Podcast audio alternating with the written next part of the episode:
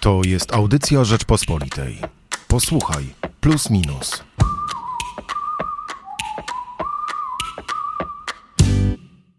Dzisiaj odświętnie, bo wracamy po wakacyjnej przerwie. Michał Płociński. I Hubert Salik. Ja nawet założyłem marynarkę, żeby tak było bardziej odświętnie. E, no i niestety mamy kolejny powód, żeby było odświętnie, bo wczoraj, w czwartek, e, późnym popołudniem zmarła Elżbieta II, najdłużej rządząca monarcha e, e, w tej chwili na świecie. W ogóle w całej historii tylko jeden, czyli Ludwik XVI chyba rządził dłużej, a my umówiliśmy się z Hubertem tutaj, żeby porozmawiać o najnowszym e, numerze plusa minusa, który poświęciliśmy no, też światu anglosaskiemu, ale nie Wielkiej Brytanii, a Ameryce.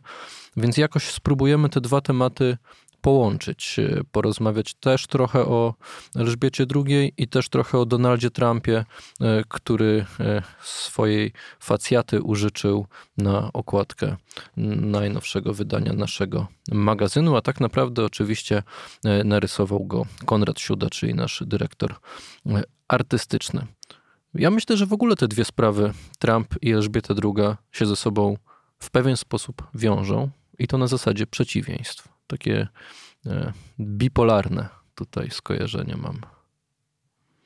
No ja takich skojarzeń nie mam. E, nie nazwałbym też to, tego sprawami, natomiast e, w jakimś sensie zarówno nasz temat numeru, który jest wydaje się bieżący, bo to, co się dzieje w Stanach Zjednoczonych i to nieustające poparcie Donalda Trumpa, mimo e, tej insurekcji z 6 stycznia 2021 roku, która w zasadzie powinna położyć kres jakikolwiek aspiracjom politycznym byłego prezydenta Stanów Zjednoczonych, e, no, okazało się, że nie odegrała takiego wielkiego znaczenia. E, ale jednocześnie możemy mówić o tym, że o ile monarchia była czynnikiem stabilizującym w świecie anglosaskim, czy może raczej w Wielkiej Brytanii, całym Commonwealthie, o tyle tej stabilizacji po drugiej stronie oceanu politycznej nie widać. I oczywiście otwartym pozostaje kwestia, czy te różnice mm, w jakimś społecznym mirze, czy e, w mm, poziomie klasy politycznej, nie, nie były spowodowane tym, że jednak po jednej stronie stała pewna trwałość, która trwała przez, no, tak naprawdę setki lat, a usobiała Elżbieta przez ostatnie lat 70, kontra e, państwo, które jest oparte przede wszystkim na nieograniczonej wolności jednostki. Dokładnie właśnie o to mi chodzi. Jak przeczytałem e, sobie dzisiaj rano jeszcze raz, żeby przypomnieć sobie e, tezy Jędrzeja Bieleckiego z jego tekstu Ameryka boi się wojny domowej e, i w ogóle ta Ameryka, która wciąż wpatrzona jest w Trumpa, przedstawiana w trzech tekstach w plusie minusie, bo Jędrzeja, Aleksandry Słabisz, która z Nowego Jorku opisuje te stany lękowe, no przede wszystkim klasy średniej w Stanach Zjednoczonych, bo ten kryzys ekonomiczny, on tak naprawdę już jest widoczny. E, w sensie ludzie już przestają, e, ograniczają konsumpcję, przestają wychodzić e, na miasto, jak to się ładnie mówi. Już mierzą się z problemami, nawet jak na razie trochę wyolbrzymiając je, to wiedzą, co ich czeka. No i trzeci tekst, moja rozmowa z młodym amerykanistą Mateuszem Piotrowskim. Jak czytam, szczególnie u Jędrzeja Bielickiego o tych stanach, które no, są rzeczywiście na krawędzi jakiejś wojny domowej. To już zupełnie co innego, jak taka wojna domowa miałaby wyglądać, ale no, totalnie podzielony kraj, gdzie e, przepaść między małymi miastami Teksasu a Los Angeles czy Nowym Jorkiem, no to, to są dwa narody, to są dwa kraje. E, już w tej chwili można mówić nawet o pewnym rozpadzie amerykańskiego prawa, szacunku do konstytucji, prawda, gwarantowana wolność wyborów czy rządy prawa. No, to są rzeczy, o których możemy w tej chwili rozmawiać równie dobrze w kategorii historycznej, jak w kategorii politologicznej, e, bieżącej. E, no i przypominamy sobie rządy, te 70 lat rządów Elżbiety II, kiedy mimo wszystko ona spajała ten świat e, Commonwealthu czy wspólnoty brytyjskiej. Ten szacunek nawet pokolenia 68 roku, tych starych rockmenów, którzy e, już e, pod koniec rządów Elżbiety II pojawiali się na wszystkich rocznicach jej rządów. Siadali ładnie ubrani, bili grzecznie brawo. No, to była postać z zupełnie innego świata. Jak myślimy Elżbieta II, to chyba od razu pojawia się w głowie taka, taki mm, symbol świata, którego już nie ma. U wielu, szczególnie konserwatystów, od razu pojawia się tęsknota do tego świata, który ona uosabiała. A Donald Trump, no, on, on jednak uosabia coś, co nadeszło i możemy się obawiać, że uosabia też pewien, pewną przyszłość, coś, co nas czeka.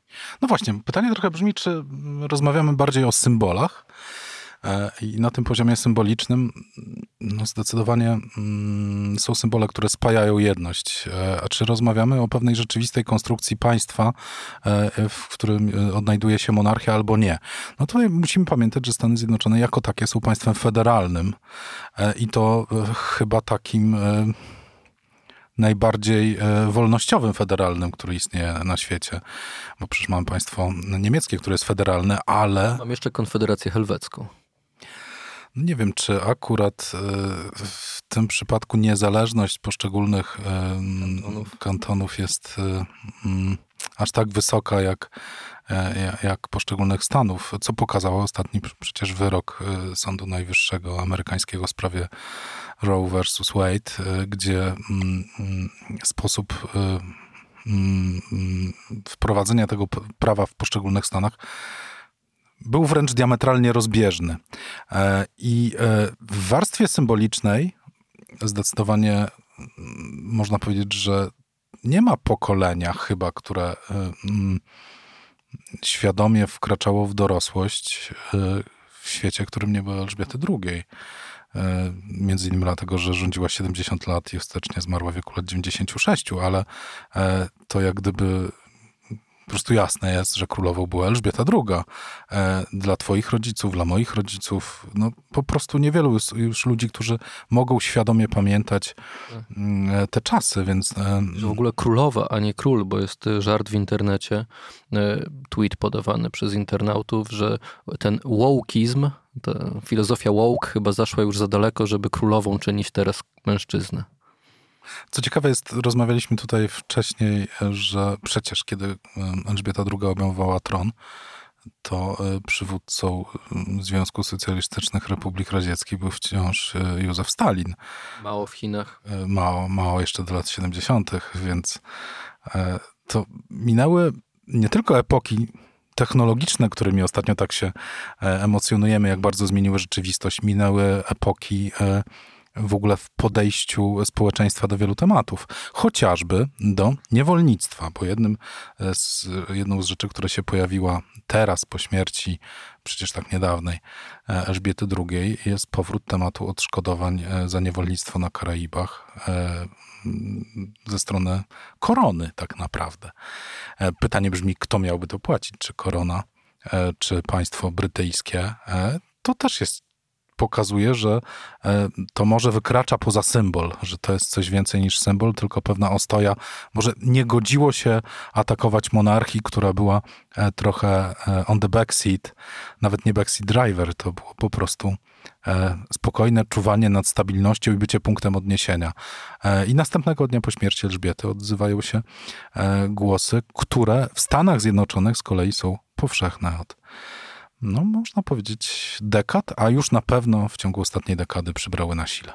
Tak, bo możemy teraz sobie dyskutować e, o tym, czy w ogóle monarchia brytyjska ma przyszłość, czy przypadkiem to nie była ostatnia szanowana e, i też przecież nie powszechnie, no ale jednak e, w szerokich kręgach monarchini, czy po jej śmierci nie rozpocznie się nawet bardzo szybki proces no, pewnego upadku, może nie całkowitego, bo wiemy, że w tych najbardziej progresywnych krajach, prawda, skandynawskich, no wciąż mamy monarchię, no, Holandia, wciąż mamy monarchię, tylko że ona ma zupełnie inną, jednak też i symboliczną, i realną postać niż monarchia w Wielkiej Brytanii. No, sam fakt, że obrady parlamentu, e, jak zostały tak naprawdę drastycznie przerwane, kiedy, kiedy wczoraj zaczęła po brytyjskim parlamencie krążyć kartka, gdzie domyślamy się e, już teraz, co było napisane i kiedy e, i nowa premier i lider opozycji momentalnie opuścili obrady, wszystko się zakończyło, wszyscy ruszyli w stronę Szkocji, gdzie przebywała, prawda, królowa, e, żeby, żeby się po prostu u niej stawić. Widać było, że, że premier premierem, ale wciąż e, ta moc autorytetu e, Elżbiety II przesądza o systemie politycznym. Bez tego autorytetu no, ten system prawny, e, myślę, zacznie się rozsypywać. Moglibyśmy spokojnie teraz w plusie minusie przyjrzeć się nie Ameryce, która jest na krawędzi rozpadu, ale Wielkiej Brytanii, która była jednak spajana przez ten autorytet. Wszystkie te głosy o tym, że Irlandia Północna e, nie utrzyma niezależności po Brexicie, to będzie niemożliwe po prostu być w, na jednej wyspie z krajem, który jest w Unii Europejskiej e, i utrzymać brak granic, brak ceł e, z tym krajem, no, że Irlandia Północna, Belfast będzie jednak e, ciążył ku Irlandii tej katolickiej. Teraz będziemy mogli jeszcze dłużej debatować nad przyszłością Szkocji, nad może przyszłością i to bardzo nieodległą, prawda, jeżeli chodzi o niepodległość Szkocji. No, wszystko w tej chwili nabiera przyspieszenia na wyspach i myślę, że warto temu się przyglądać. No nie tylko, to nie jest y, tak jak niektórzy twierdzą, szczególnie, nie wiem, o lewicowych poglądach, y, którzy widzą w monarchii y, tylko rzeczywiście jakiś relikt świata, którego już dawno nie ma. To nie jest tylko śmierć jednej osoby, to jest w pewien sposób wydarzenie o niesamowitej wadze politycznej. Szczerze mówiąc, ja uważam, że to jest relikt świata, którego nie ma. Natomiast e, zupełnie inaczej patrzy się na tą sprawę z punktu widzenia Polski, która, w której e, od czasu, kiedy ta monarchia tak naprawdę istniała, minęły setki lat i, i, i no, koleje losu poszczególnych części Polski były zupełnie inne, znajdowała się pod butem zaborców, który, w których też była monarchia. Ale e, tu jest też podobieństwo trochę między samą Wielką Brytanią a Stanami Zjednoczonymi, tkwi w tym, że jednak Wielka Brytania jest federacją państw i pytanie brzmi, czy... W... Jest państwem unitarnym. Ale jest w pewnym sensie federacją. E, I e, pytanie brzmi, e, czy akurat tej federacji w dużej mierze nie spajała osoba e, monarchy, monarchy czyli Szkoci, Walijczycy, Irlandczycy. E, no bo sprawa Commonwealthu, gdzie po kolei jeszcze zarządów przecież e, Elżbiety II poszczególne kraje odchodziły spod kurateli, jeśli no, można nazwać to kuratelą. W wielu krajach ten sy symbol monarchy pozostał, prawda? No wciąż oficjalnie jest władcą jednak monarcha brytyjski, mimo że to nie ma już żadnego znaczenia, bo to są niepodległe kraje. Ciekawa jest różnica tu wrócę do tego, co, co powiedziałeś, między tą monarchią a innymi monarchiami, też w tym, że żadna inna monarchia nie odcisnęła tego piętna w popkulturze. E, można by oczywiście przytoczyć, co teraz jest dosyć częste, serial The Crown. E, moim zdaniem wybitny, e, naprawdę wybitny serial. E, I, i, mm, ale nie tylko, no bo wcześniej e, bunt, punkowy bunt Sex Pistols i God Save the Queen, Fascist and Regime z lat 70., czy chociażby e, Andy Warhol Warhol. E, no, jak gdyby no, popkultura żywiła się tą monarchią. No, już nie, nie wspominajmy. Nie tylko Elżbietą II, no bo przecież księżna Diana. Tak, wręcz do poziomu tabloidyzacji. E, żadna inna monarchia e, nie miała chyba takiego wpływu na popkulturę, nawet jeśli wspomnieć Jean Kelly i, i, i Monaco. A teraz książę Harry. Grace Kelly, przepraszam, i Monaco. E, a teraz tak, książę Harry też jest jak gdyby kolejnym, kolejną odsłoną tego. Księżna, której wciąż nazwiska nie zapamiętałem. Meghan Markle? Mm, wiedziałem, że mnie wyręczysz. Tak, nawet jakiś serial zacząłem oglądać z księżną, zanim została księżną, ale, ale nie za bardzo przypadł mi do gustu prawniczy. E, w każdym razie mm, w każdym razie do końca nie wiemy, rozmawiając, jaki wpływ ma śmierć Elżbiety na widzisz, stabilność ty mówisz, że uważasz, że to relikt innego świata, a potem przyznajesz mi rację, że, że to może być ważne wydarzenie polityczne. No to może być i jedno, i drugie, prawda? To to o to chodzi. Nieważne, że to relikt. Nie jest sprzeczność. Tak, ja tak. w dalszym ciągu uważam, że to jest relikt minionego świata, dlatego że uosabia świat, w którym e, nie ma mm, takiej, Na przykład kobiety nie miały formalnego wykształcenia. Tak jak Elżbieta II. w którym nie istnieje demokracja rozumiana e, w, dzisiejszy sposób. Tak? Dlatego e, monarchia była trochę doklejona, była elementem tradycji. Stała się głównie elementem tradycji, natomiast no, Elżbieta II rządziła 70 lat, więc stała się jeszcze dodatkowo punktem odniesienia. I w ciągu tych 70 lat to podejście, które mogę na przykład ja reprezentować do monarchii, e, zdążyło ulec gigantycznej zmianie. Więc, więc e, no, to ocena z, z punktu widzenia na przykład 53 roku, a 2022 e, monarchii może być zupełnie inna.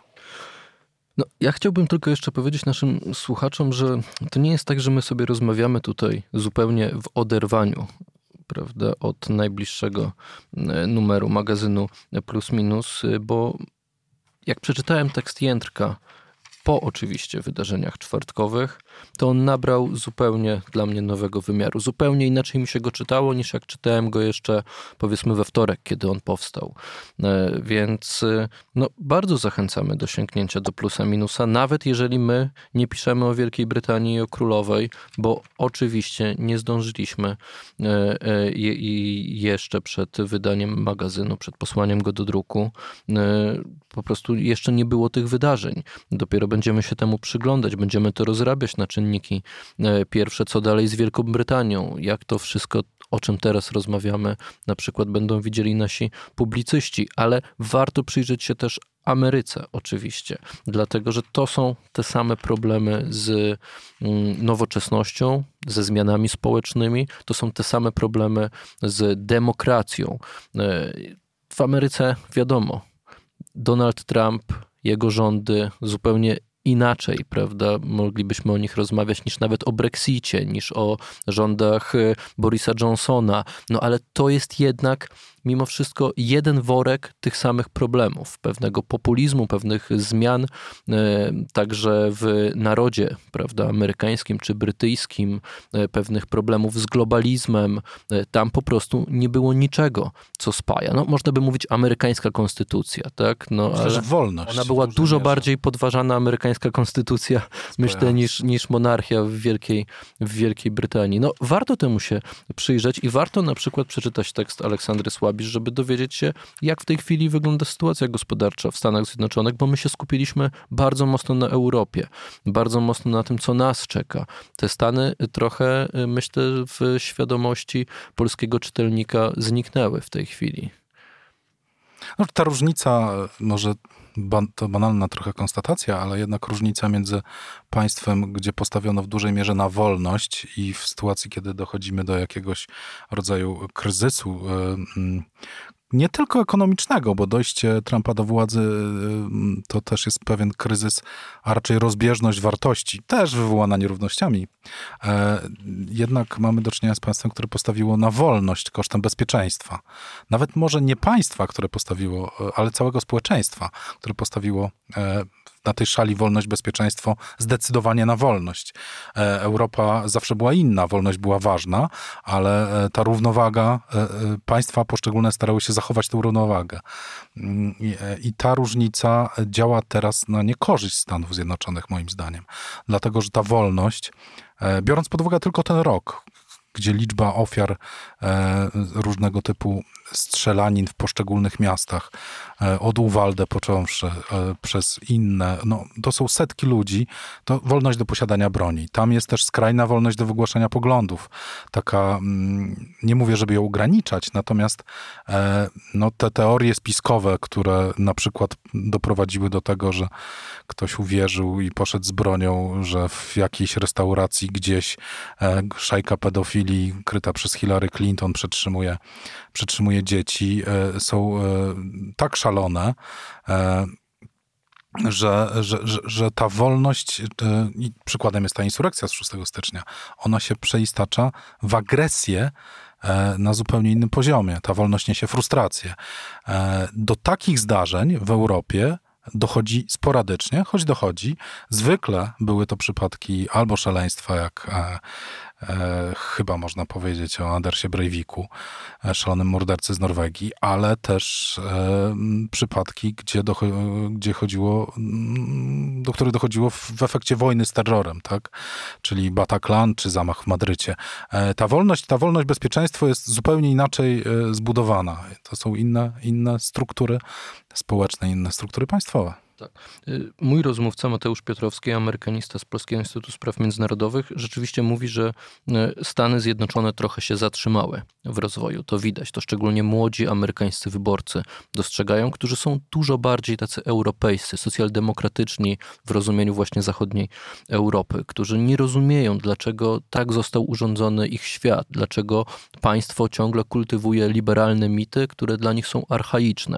Więc polecam Państwu tą rozmowę z młodym amerykanistą, który przygląda się problemom młodych ludzi. Mam wrażenie, że twój rozmówca e, trochę nie, do, nie, nie werbalizując to, e, jednak e, przede wszystkim myśli o tym, że pewne ścieżki awansu społecznego, które były powszechnie dostępne jeszcze 20-30 lat temu, zostały najzwyczajniej w świecie zamknięte i ten świat mm, albo ekstremalnie utrudnione i ten świat nie oferując bezpieczeństwa, ta wolność już coraz mniej daje, bo bo Kiedy skończył się amerykański sen, to wolność ma trochę inną wartość niż miała wcześniej.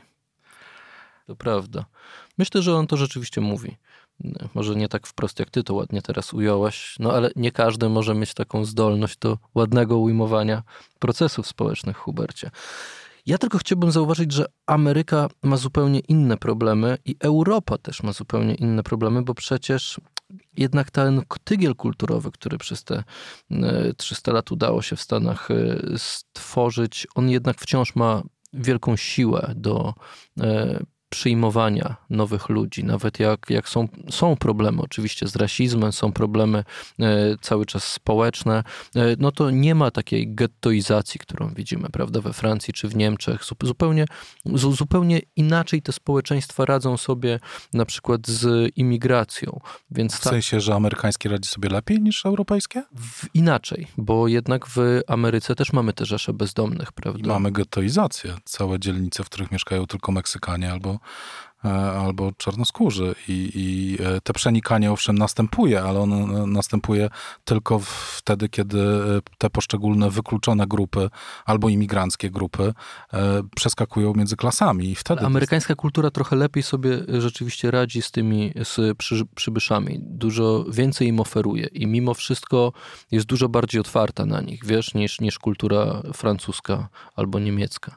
Więc są plusy i minusy. No, Amerykanie też sobie z tym nie radzą, prawda? Te, też mają rzeczywisty, y, szczególnie teraz, kiedy, kiedy tych możliwości jest mniej i kiedy ten tort y, trzeba sobie wyszarpywać, tak? Nie można go, nie, nie, nie można ludziom dawać... Y, nie jestem taki przekonany tyle, co, co jeszcze w latach 90 Skala migracji do Stanów Zjednoczonych sprawiła moim zdaniem, że ten problem e, e, wykluczenia nierówności jest dużo poważniejszy niż e, w takich krajach jak Francja, gdzie owszem są getta i naprawdę jak się jedzie przez Paryż i widzi ludzi śpiących pod mostami albo śpiących, idzie się wieczorem i śpiących na jakiejś tekturze w jakimś załomku ulicy, to wygląda to bardzo źle, ale Stany, Stany wcale aż tak bardzo od tego nie odbiegają, natomiast tam... E,